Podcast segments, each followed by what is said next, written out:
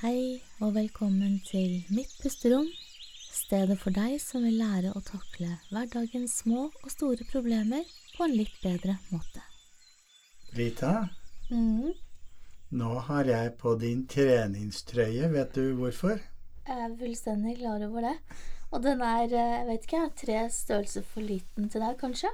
Jeg Den, ikke. den virkelig uthever min mage. Du har fått sånn trommeeffekt på magen din. Ja, det er jo ganske komisk. Du sitter i altså en kvinne-T-skjorte. Veldig feminin en, egentlig, når jeg ser litt nærmere på.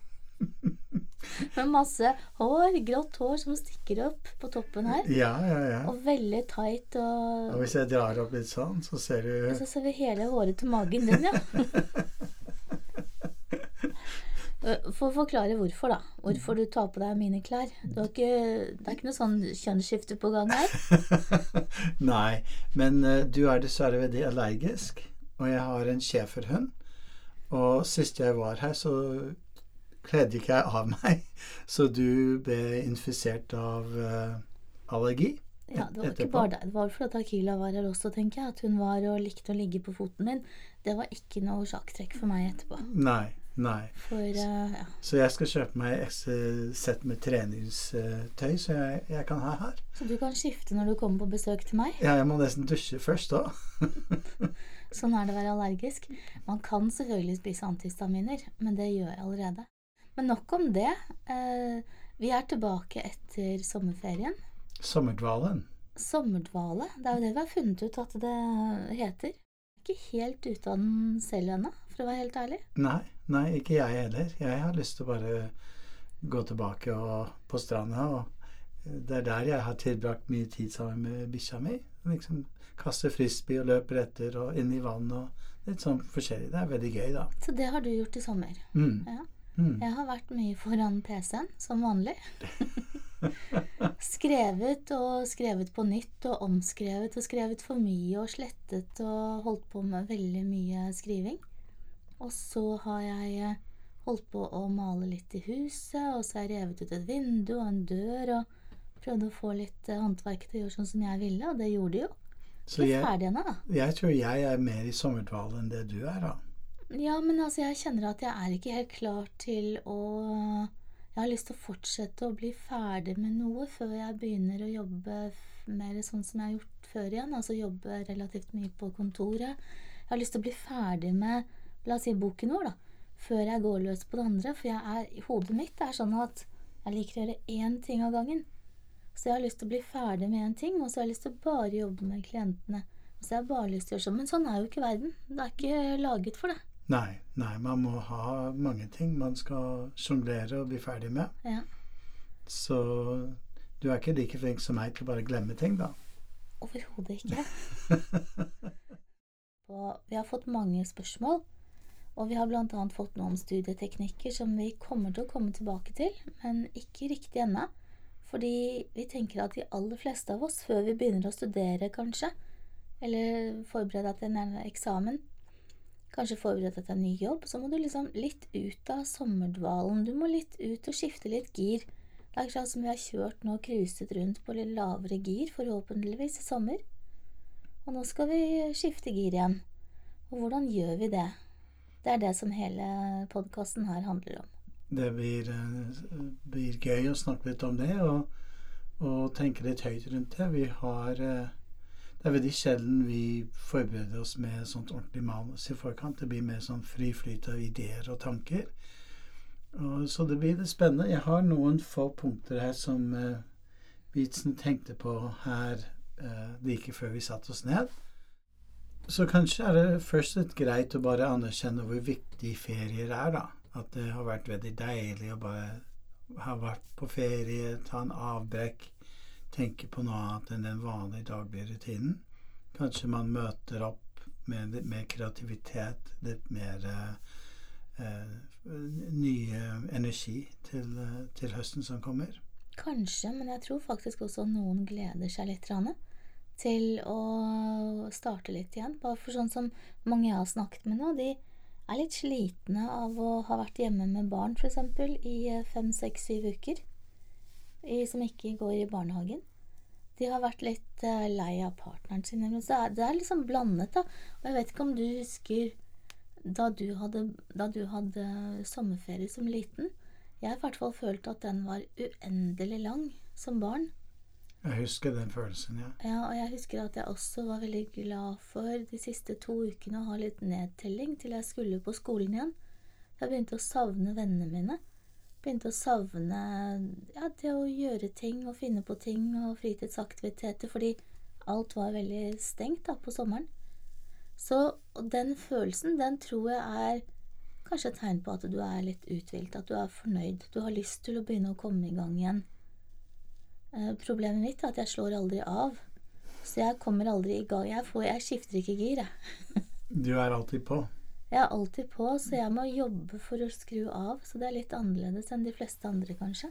Du er som en Duracell-kanin, du. Husker de gamle eh, Duracell-reklamer med en kanin som gikk og slo på sånne eh, Jeg husker det. er to, Symboler. Ja, stemmer. Og den, eh, den skulle liksom Den bare gikk og gikk og gikk pga. Duracell-batteriene. Ja, stemmer. Ja, dette var ikke ment som en reklame for disse batteriene, forresten. Men du minner meg om en sånn person. Du Ja. er en person som får utrolig mye gjort. Men problemet med det, Sigurd, er at da er det det eneste man gjør også. Ja. Det, det blir på en måte Det blir ikke den variasjonen. Altså, jeg, har jo, jeg tror jeg har sagt det før også, at jeg trenger en hobby. Men eh, jeg vet ikke hva den hobbyen skulle være. For alt jeg elsker, er jo det som har med menneskelig syke og altså det vi jobber med. Psykologi. ja.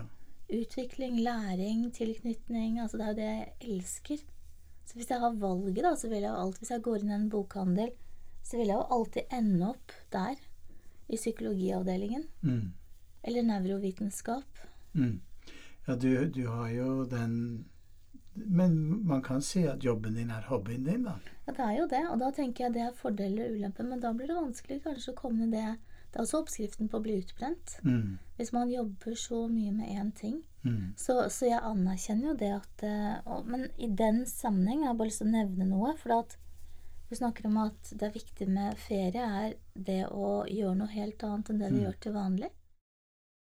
Hvis du tenker at ferie er det eneste som gjør at du overlever hverdagen, så ser du frem til juleferie, kanskje. Så ser du frem til sommerferie. Og det er liksom de to litt lengre feriene du har i året. Det blir veldig mange tunge, grå hverdager. Mens jeg har lyst til å snu det litt på hodet og tenke at mine hverdager, føler jeg i hvert fall selv, er såpass fargerike. Primært av hodet mitt, som er ganske aktivt. Og veldig mange spennende klienter. Så jeg har ikke det behovet for ferie som mange andre har. Nei, men det er fordi du opplever ikke hverdagen som en grå, kjedelig hverdag, da. Du Jeg syns det er nok eh, Jeg synes det er nok variasjon i hverdagen min, egentlig, Mm. hele tiden. Men igjen, dette her er jo hvordan man velger å se på ting. Alltid hvordan vi velger å se på ting. Og jeg tror jeg er unntaket, så jeg tror ikke vi skal ha så mye fokus på meg her. For jeg, det er nok mer i det. Men jeg tror det er litt farlig akkurat det også å være et sånn modus at nå skal jeg ha ferie tre-fire uker, eller kanskje til og med fem uker. Og det skal jeg leve på hele året. Det vet jeg det er mange som gjør, og da blir de ofte skuffet. For da får jeg ofte meldinger fra dem i ferien om at det ble ikke sånn som de ønsket. Kanskje vi skal utvide dvalebegrepet til å tenke litt sånn Hva er det som ødelegger evnen til å skifte fokus og, å huske det man gjør når man har skiftet fokuset? Fordi en av hobbyene mine er å følge med på YouTube, og jeg liker å følge med på teknologisk utvikling, og jeg liker å følge med på amerikansk politikk. Men når du hører, eller når jeg hører kanskje, eh, kanskje en time eller to til sammen i løpet av en dag, det er svært lite jeg sitter igjen med. Kanskje noen få overskrifter. Så hjernen min er blitt vant til å skifte, skifte, skifte, skifte. Og dermed så har den ikke Den blir sjelden utfordret på å huske frem hele, Hva heter fremelske det jeg har faktisk hørt på. Så at jeg har en sånn eh, Jeg forveksler oftest det å gjenkjenne som å virkelig forstå og kunne gjengi. Så det er mange ting jeg gjenkjenner med en gang når jeg lytter på en, en, eh, en, en video om amerikansk politikk eller teknologi. Men hvis jeg blir tvunget til å prøve å gjengi det og gå litt i detaljer, da blir jeg oftest litt svarskyldig. Og det tror jeg er fordi hobbyen min er bare lytte på og ta det som en slags underholdning. Så du har det som en bakgrunnsmusikk, på en måte? Altså Som andre kanskje kan høre musikk, så hører du på amerikansk politikk, f.eks. Ja. Og da er det som en sånn støy i bakgrunnen, og du stopper sikkert opp noen, noen ganger og tenker 'oi, det var rart', eller noe sånt. Men med mindre du gjengir det til andre, forteller det videre, eller tenker på det selv, så går det litt rett inn og rett ut, er det du sier? Ja. ja. Og da er du til stede i øyeblikket uten egentlig å være det. Du bare er litt sånn derre Ja. Ja, litt sånn zombietilværelse. Ja, litt zombie. Og det er en annen måte å være i dvale på. Mm. Så det, det er en hobby som det, Og det, jeg sier ikke at det er det, det kan hende det er helt ok, men jeg føler kanskje det også påvirker litt andre ting i livet mitt òg. Mm. Samtaler jeg har med deg, eller andre folk, hvor jeg Ja, du glemmer ganske mye. Ja, jeg, Mm. jeg, jeg håper at det, går, at det er mer det enn at jeg begynner å få noe, noe nevrologisk feil oppi hjernen. At det er fordi at det er fordi jeg har trent hjernen min opp til å bare ikke holde fokus. Og, og jeg utfordrer meg selv sjelden på å gjengi det jeg har hatt fokus på. Ja, og det tror du er inne på noe viktig nå, for at de aller fleste som drar på ferie, de har jo Nå tar jeg meg ut av denne ligningen her, for det tror jeg er unntaket. Men de aller fleste har behov for å komme vekk fra hverdagen. De har behov for å se noe annet, gjøre noe annet. Kanskje være sammen med andre mennesker, dra på et nytt sted. De har, de har behov for å glemme veldig mye av det som de syns er stressende i hverdagen. Og da er det jo litt lurt å gå inn i denne dvalefokuset, da, så man kanskje kan være en hel dag eller to eller tre på stranden, eller i båten, eller gå tur på fjellet. Og så er man på en måte som en sånn liten zombie. Man er til stede, og man nyter, eller man lytter, man er engasjert, man kanskje danser, drikker, er på konsert, på festival. Men man er liksom Det er ikke noe du gjengir og forteller til andre etterpå. Forteller ikke detaljer om båtturen eller hvor du var på stranden og hva du opplevde og hvordan kanskje solen glitret i vannet. Du bare er til stede. Så det vi på en måte sier indirekte, for å komme ut av den dvalen, så er det viktig å ikke gjengi litt det man har gått igjennom. Gjenfortelle. Kanskje gjennom journalskriving eller snakke med en person. Og tar seg tid til å virkelig grave litt. Ikke bare si 'jeg var på huk' eller 'jeg dro til Italia', men gå i detaljen på hvilken restaurant likte man, hvilken restaurant likte man best, eller hvilken matrett var helt nytt for deg, og beskrive opplevelsen. Og nå var det en annen ting som datt ned i hodet mitt. Når du sa det, så det minner meg litt om når folk er i dyp sorg og har mistet noen de er glad i, så har mange av de sliter med å f.eks. si at han De sier at 'jeg er så glad i han, og han er jo så snill, og han er den viktigste i familien'. Altså, de snakker i presens, nåtid. Og det gjør at de skjønner ikke helt at han var. Han er ikke lenger. Men akkurat den distinksjonen der, å si at jeg var på en fantastisk ferie, jeg var på den og den restauranten, og de spiste, og jeg spiste hummer Bruk riktig verbform, fordi da vil hjernen din skjønne at det var, du er ikke lenger der nå, du har vært på ferie, og nå er du her. Akkurat sånn som sorg. Han levde, han er borte, og nå er du her alene. Du må forholde deg til det. Så det å bruke riktig verbform gjør noe. Nå snakker vi litt om NLP, nevrolingvistisk programmering, hvordan vi bruker språket for å programmere litt eh, tankene våre. Så hvis vi tenker på riktig verbform i forhold til det å komme ut av dvalen på andre ting enn sorgen, hvordan ville du Ja, det blir jo det å si at jeg var på en fin ferie, og jeg koste meg og hadde det bra. Og så må man ta umiddelbart og legge til og nå er jeg tilbake på jobb, og jeg er ikke helt klar ennå, men jeg jobber med saken. Jeg holder på å skifte gir. Og kanskje også ha litt sånn eh, Litt raushet, tror jeg. Jeg har veldig sans for raushet. Hvis vi er litt rause med oss selv, med hverandre De første par dagene er du kanskje ikke helt eh, 100 skjerpet. Du har kanskje litt småtrøtt møte som begynner klokken åtte. Så en måte å, tenke på dette på er det går litt um, Hva skal man si Ord skaper en føring i hjernen. Så hvis vi beskriver for oss hva intensjonen er, hva det er vi vil, så kan det få en helt annet fokus. Så hvis jeg vil da lytte på en podkast, og jeg syns det var interessant, kanskje det er greit at jeg har noen som er litt mer underholdning, men så kanskje en som fanger meg litt ekstra mye. Og da kan jeg si den skal jeg huske. Og da jeg, sier jeg det litt høyt i tankene mine. Mm. Skape en intensjon. Og likeledes når man skal begynne på jobb igjen, da. Hvilke nye muligheter kan jeg finne i jobben min? Hvordan skal denne høsten bli den mest interessante høst jeg har hatt på, på mange år? Mm.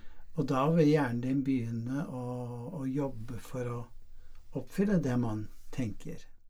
Da er du inne på det som er ekstremt viktig, og det er de gode spørsmålene.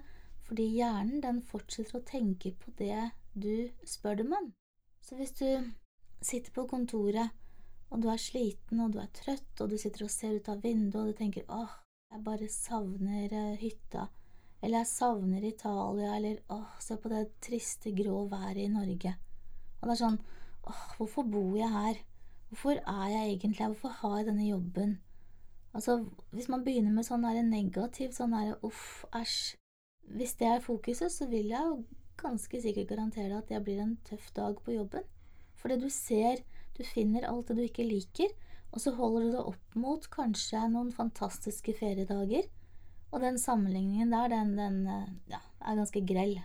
Det blir veldig grell. Kan man mm. si grelt, eller? Ja, du kan si grelt òg. Mm, ja. Det blir grelt. Det er en grell. Ja, ja. det blir veldig grelt. Ja. Og det er jo og akkurat den sammenligningen der er en veldig urettferdig sammenligning, fordi det er derfor det kalles for ferie. At man har tatt seg tid til å ta en pause fra hverdagen og gjøre noe, noe helt annet. Og, kan jeg skyte inn en ting der? Ja. Den minner meg litt om Lao Tse, en gammel kinesisk vismann som hadde et uttrykk som jeg har tatt med meg. Han sier at det er ganske lett å få et ulykkelig liv. Du skal forbanne det du har, og drømme om det du ikke kan få. Så når du er på jobben, sitter du og forbanner den og drømmer om den ferien du hadde. Det er oppskriften på et ulykkelig liv. Og det verste er at den, den tar du med deg hjem etterpå. Så du får kanskje en ganske kjip dag på jobben. Eh, du får ikke gjort så mye som du skulle, sjefen er kanskje litt sur, for han har kommet tilbake fra ferie. Kollegaene er litt småtrøtte. Eh, du blir kanskje ikke møtt på den måten du ønsket. Kanskje det er vanvittig mange mailer som venter på deg. Du var liksom ikke helt forberedt på det. Og så tar du med deg denne følelsen da hjem til det du er glad i. Og de har kanskje hatt sine tøffe starter, og så blir det en veldig sånn negativ spiral der at åh, nå er hverdagen tilbake igjen. Nå får vi bare holde ut, da. Og da er vi inne på noe som er veldig viktig her, men det blir en digresjon i forhold til temaet, og det er hvis man er fanget i en jobb man ikke trives med, eh, det er veldig sannsynlig at du jobber med noe du ikke har interesse for eller talent for. Så vi vet at hvis man kan jobbe med noe man har talent for og interesse for, så blir hverdagen mye bedre. Jeg sjelden gruer meg til min jobb, f.eks. For eksempel, fordi jeg har oppriktig interesse for psykologi. Jeg syns det er gøy å, å hjelpe folk og se folk utvikle seg. Så for meg å jobbe seks til åtte timer hver dag er egentlig ikke noe, noe, tungt. Jeg må være bevisst på at jeg har sovet nok og spist nok og alt det der, da. Men, men, jeg forstår at mange folk er ikke så heldige sånn som vi er, da. Og de er da fanget i den kjedelige hverdagen. Men det tror jeg vi skal avlukke det nå, fordi mm. temaet er hvordan komme ut av sommerdvalen, eller vekke opp hjernen for å være på plass. Og nå har vi snakket litt om hvor viktig det er med språk. Men hva tenker du om dette med eh, det å ha tydelige mål, da, i forhold til det å komme ut av sommerdvalen? Er det, tror du det har noe, noe tror, si? Jeg tror det er ekstremt viktig alltid. Jeg har veldig sans for å gjøre ting målbart. For å gjøre ting målbart så må vi ha et eller annet mål. De aller fleste har jo kanskje et mål i forhold til vekten sin, eller kanskje en bufferkonto, eller um, et eller annet. Mm. Alle, eller kanskje hvor fort du skal løpe. Mm. hvor mange kilometer du skal løpe i løpet av en måned. Det, det, det å så sette seg ned og gjøre ting målbart er for i hvert fall meg ekstremt viktig. Og du er inne på noe veldig viktig. Hvis man da f.eks. har lagt på seg litt grann, Ja, Som den der trommen din, eh, trommingen du begynte med. i løpet av sommeren, Ja. så, så hjelper ikke å ha en intensjon om å gå ned i vekt. Mm. Men det som gjør at det blir målbart å si hvor mye man skal spise de to eller tre måltider man skal spise i løpet av en dag, og også hva slags mat man skal si nei takk til. Det er litt dumt at du sier nå, for jeg tenkte å lage vafler etterpå. det blir ikke noe vafler på meg i dag. Ikke? Da. Nei. Da skal jeg ta det når du har reist. Ja, ja. I hvert fall Jeg etter jeg sendte deg et bilde i stad. jeg, jeg måtte dessverre, som kanskje andre lyttere har hørt før, jeg hadde et kosthold som jeg var veldig glad i, og den likte ikke kroppen min, så jeg må, måtte bytte kost, kostholdet. Og det har medført til at jeg er blitt mer oppblåst enn vanlig, men eh, jeg skal få det under kontroll igjen. Det går seg til. Det går seg til. Det gjør det. Mm. Men igjen, ingenting går seg til med mindre vi er bevisste. Det er ikke sånn at det bare går seg til av seg selv. Det går seg til fordi at vi setter inn vi, vi, Igjen, vi skifter gir. Og kanskje en av de tingene vi må gjøre, er, tror jeg Jeg er glad i mål, jeg er glad i planlegging, oversikt. Og en av de tingene jeg liker å gjøre, er jo da å sette seg ned på høsten og tenke ok, hva Nå er jeg kanskje fem-seks måneder igjen av året. Hva har jeg lyst til å fylle opp tid med? Og hvis du da har fem-seks kilo for mye, så sett, så må du begynne med å gå på vekten. Du tror, eller du kjenner kanskje at favorittbuksen har blitt litt trang. Men det er bare en tro, det er bare en følelse, og det er verdens enkleste ting å unngå. Det er bare å ta på deg en annen bukse. Så med andre ord, ikke fokusere på intensjonen. Jeg vil få gode karakterer, eller jeg vil gå ned i vekt, eller jeg vil begynne å trene, eh, eller jeg skal bli flinkere med barna. Alt det der er intensjoner. Du må gjøre om til at det er veldig målbart. Hvor, hvor, hvis du var flinkere med barna, hva gjør du da? Husker jeg jobbet med en kunde en gang, og han hadde problemer med å få til den overgangen fra jobb til hjem. Men så kom han på den geniale ideen at hvis, når han kom hjem, hvis han tok av seg sko, så gikk han barbeint i huset, og det minnet han om sin egen barndom å løpe Ja, gjennom barbeint. Og dermed så var han sånn på i, i småbarnspappamodus, okay. fordi han var ba- barbeint, han òg. Mhm. Så, og da blir det veldig målbart. Mm. du, du har på deg Du er plutselig eh, barbeint Mhm. hjemme med barna. Mm. Jeg kjenner også et par advokater som insisterer på å gå i hullete joggedresser så fort de kommer hjem. For de må, være veldig, de må jo være veldig pent eh, kledd i retten for å være overbevisende. Når de kommer hjem, så er det rett inn i joggedressen. Mm. Jeg Så, det, det, jeg syns det er veldig fint. Jeg gjør litt sånn tilsvarende selv også. Men jeg har lyst til å legge til når du sier målbart, fordi jeg er så enig med deg.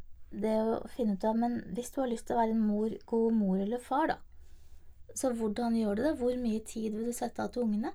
En annen ting, kanskje du og eh, partneren din kan sette dere ned og la oss si dere har to-tre barn, og nå skal de tilbake til fotball, til tennis, til eh, basket, til hva det nå enn er det de holder på med.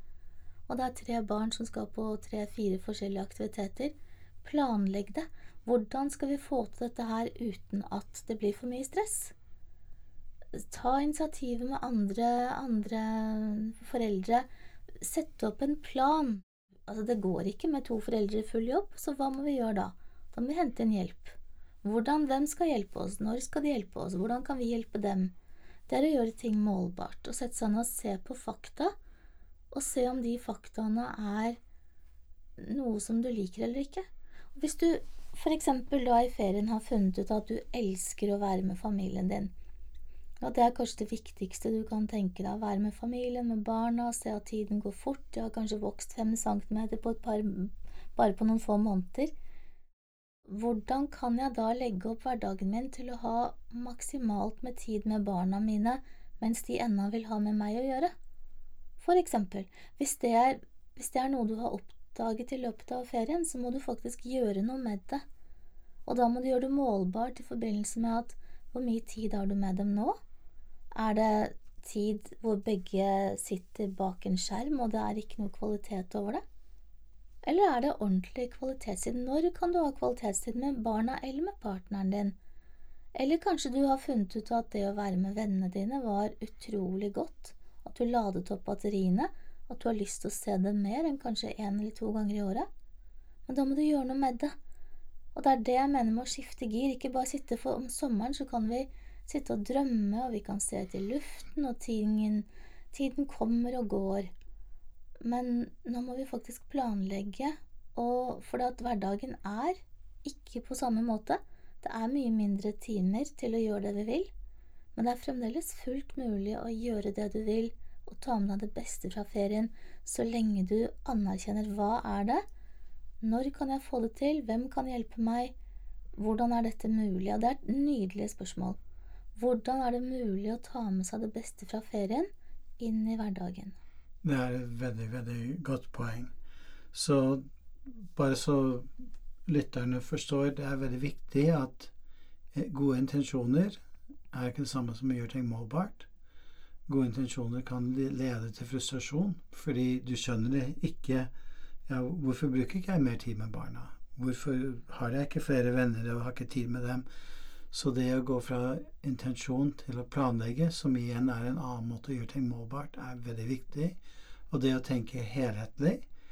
Um, å tenke på En ting som er kanskje viktig å huske på, er at vi alle har hatt mål og ønske om å skape en endring, og så har vi endt opp som støttemedlem i SATS, eller vi har kjøpt online-kurs som vi aldri gjennomfører jeg er nok ikke en av dem, og det er heller ikke du, Rita.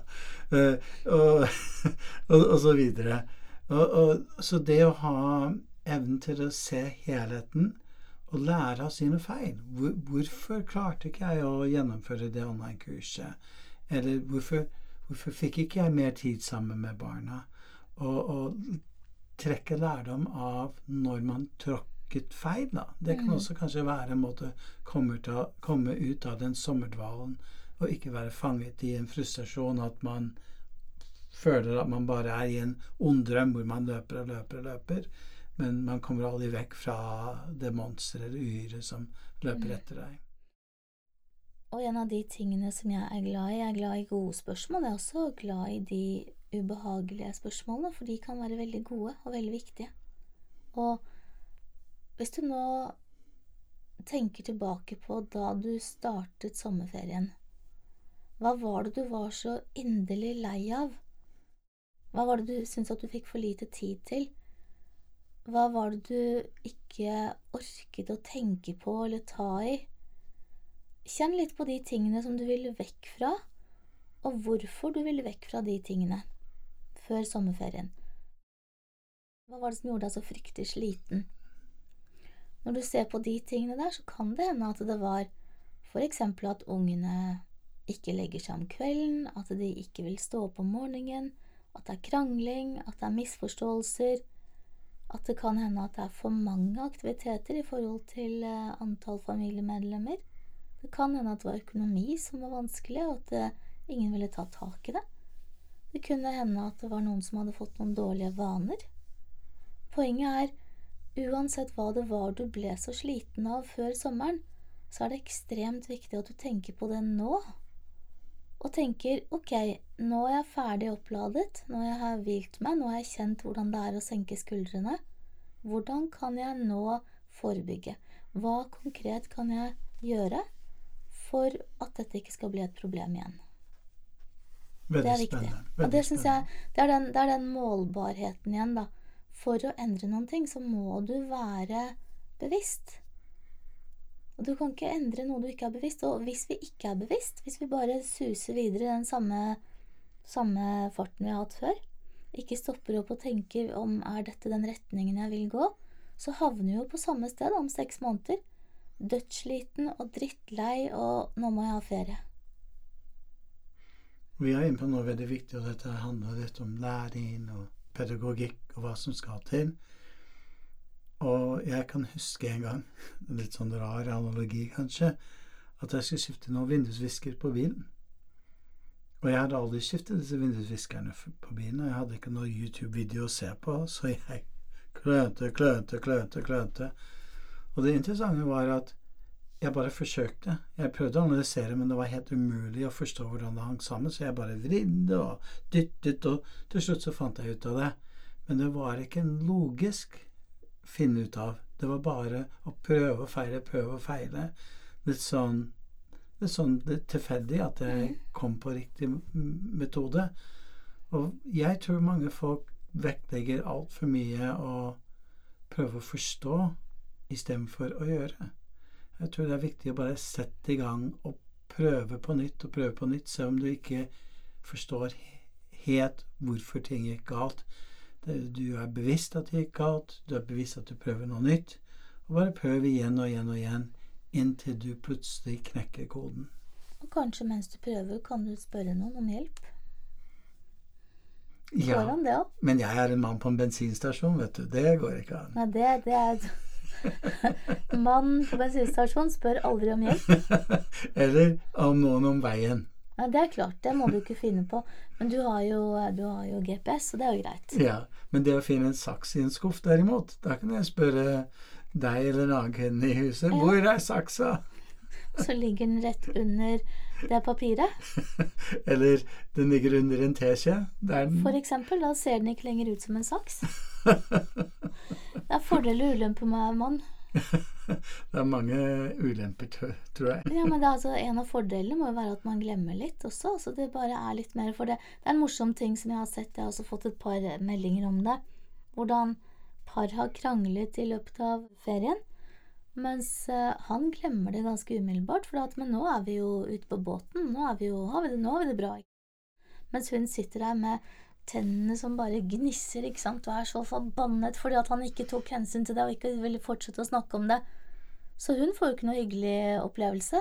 Han er superhappy, for han sitter og er kaptein på skipet sitt Mm. og, og er helt og nyter alt sammen. Han får ikke med seg at kona er eh, sur engang. Og da blir det også gærent. Så når han kommer hjem, da syns han hatt en kjempefin dag med familien på båten. Så skjønner han ingenting når han får en skyllebøtte. Det er mange måter en reell historie fra ikke meg, men eh, en klient av meg. Og det er litt interessant igjen. Så da, og da sa jeg han er bare en mann, sa jeg. Du får eh, Du må være tydelig med han. Og du må gjenta ting. For han er i øyeblikket.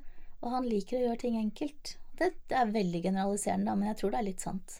Jeg vil gjerne oppmuntre alle menn som, eh, som er i par, til å av og til dra på ferie aleine med ungene sine. Eller, eller ha en hel uke hvor du står for hele husholdningen. Fordi da oppdager man plutselig hvor mye din eh, silent partner gjør, som du aldri erkjenner eller vedkjenner sånn helt tydelig. Men når du sier det, så er det bare én ting til jeg har lyst til å avslutte med. Vi skal begynne å avslutte snart. Og det er Du sier at du er litt alene med barna. Det er jeg så Jeg har så lyst til å oppmuntre alle til å prøve å få til det litt i hverdagen også. Ikke bare nødvendigvis at du skal være sammen med ungene en hel uke, for det er ikke så gjennomførbart alltid. Men hvis du kan ta en dag eller to alene med ett av barna, eller kanskje hele gjengen, men poenget er at du får, la barna få litt alenetid med deg, for det er noe av det som jeg hører etter ferien, at ungene elsker. Det er det at de fikk tid med foreldrene sine. At de bare satt der, og de kanskje slet i tre timer for å få fyr på dette bålet. Fordi noen hadde glemt fyrstikker, så måtte de gjøre det på gammelmåten, ikke sant? Og hadde med seg en sånn liten Hva heter det? En sånn liten Eh, Flint and Steel heter det på engelsk. ja, så Flint and Steel, som du sier. Uh, da, det var i hvert fall en av de som ringte meg nå og sa at jeg har det kjempefint, Rita. Og vet du hva vi gjorde? Pappa satt i tre timer, og vi hadde det så gøy. Og vi satt og vi prøvde, vi fikk det til til slutt. Og den, det er det hun husker. Og hun har vært mye i hele verden i sommer. Det er det minnet hun syns er finest. Kult. Så jeg tenker igjen, vi trenger ikke å ha mange ukers ferie for å sette av litt tid til å være sammen med de vi er glad i, og prøve å ha litt én-til-én-kontakt.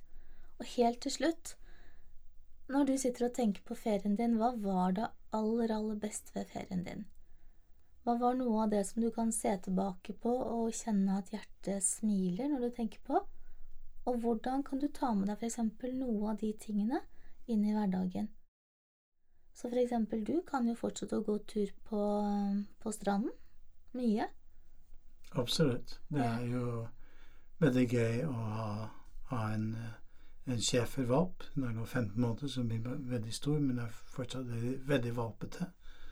Og det å ha den gleden av å ta vare på henne, trene henne opp, sånn type ting, det er sånne ting jeg vil ta med meg når, når høsten kommer. Litt kjedeligere med hund når det er høst og vinter, men det Nei, jeg tror ikke det. Det er, det er persepsjon igjen, da. Nei, da kan hun søke etter godbiter i to meter snø, og da kan jeg glede meg å se hvordan hun graver seg ned og prøve å finne ting. Sant. Sant. Persepsjon er viktig. Da håper jeg at du har fått noen tanker om hvordan du skal skifte gir og komme deg ut av sommerdvalen. Og ta med deg de beste minnene og overføre de til uh, ukene som kommer. Så blir det en bra høst og vinter. Plutselig så er det sommer igjen.